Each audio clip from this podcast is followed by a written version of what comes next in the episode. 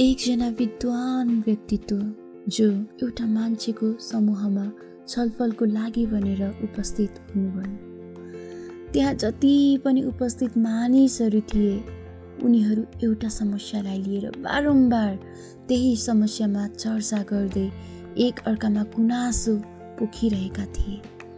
त्यही छलफलको क्रममा त्यहाँ उपस्थित एकजना बुद्धिमानी व्यक्ति ती सबै गुनासोलाई सुन्न छोडेर बिचमै उठी जोक सुनाउन थाल्छ। एकपटकको त्यो जोक सबैको माझ हाँसो अनि मिठो बन्न पुग्यो। दोस्रो पटक त्यही जोक सुनाउँदा केही मानिस मात्र हाँसो छोडी मुस्कुराउन थाल्छन्। त केही फेरि तेस्रो पटक त्यही जोक दोहोऱ्याउँदा भने न त मानिसहरू हाँस्न सके न त मुस्कुराउन नै। कुनै प्रतिक्रिया देखिएन। त्यस पश्चात ती बुद्धिमान व्यक्ति आफू हाँस्दै भन्नुहुन्छ कि जब तिमी एउटै जोक सुनेर एकपटकभन्दा बढी खुलेर हाँस्न सक्दैनौ भने तब तिमीहरू आफ्नो समस्या लिएर किन पटक पटक गुनासो पुखिरहन्छौ? त मित्र भन्न खोजिएको यदि हामीले एउटै समस्यालाई लिएर आफ्नो समस्याको समाधान निकाल्न छोडी पटक पटक गुनासो मात्र पोखिरहने हो भने यो हाम्रो व्यवहार प्रविधिले केही पुर्याउँदैन। कहीँ हामी पनि यस्तै समस्यामा अल्झी बसेका त छैनौँ।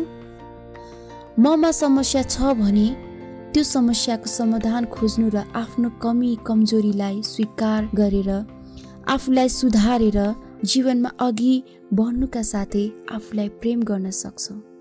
किनभने यदि ममा खालि गुनासो पुग्ने बानी छ भने मैले आफूले जे गरे पनि सन्तुष्ट हुन सक्दिनँ।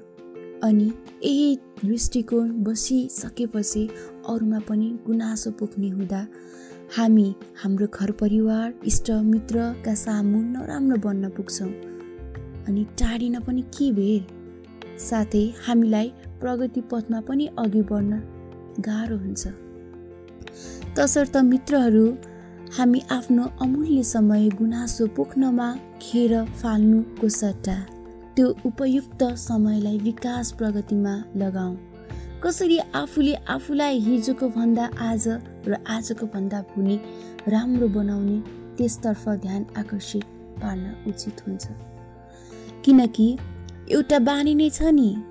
जति जति हामी आफ्नो समस्यालाई लिएर उदास चिन्तित हुन्छौँ उति उति समस्या बढ्दै जान्छ।